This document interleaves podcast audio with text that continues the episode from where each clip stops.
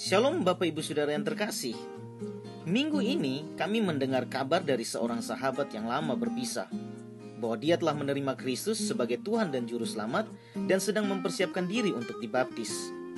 Dia adalah teman yang pernah datang di rumah kami untuk sekedar sharing dan bermain musik bersama.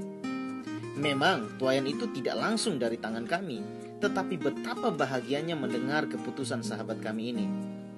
Seperti kata Paulus, aku menanam, Apolos menyiram, tetapi Allah yang memberi pertumbuhan.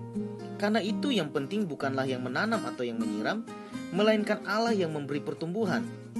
Baik yang menanam maupun yang menyiram adalah sama, dan masing-masing akan menerima upahnya sesuai dengan pekerjaannya sendiri.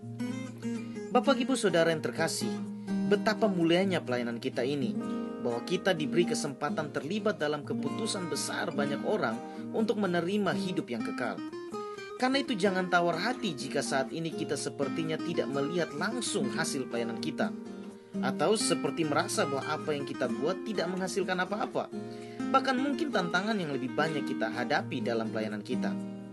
Setiap kita memiliki anugerah tersendiri dalam panggilan kita. Tetaplah lakukan dengan penuh semangat dan dengan hati yang bersyukur bahwa Allah masih mempercayakan harta yang mulia itu dalam bejana tanah liat ini. Tuhan Yesus memberkati.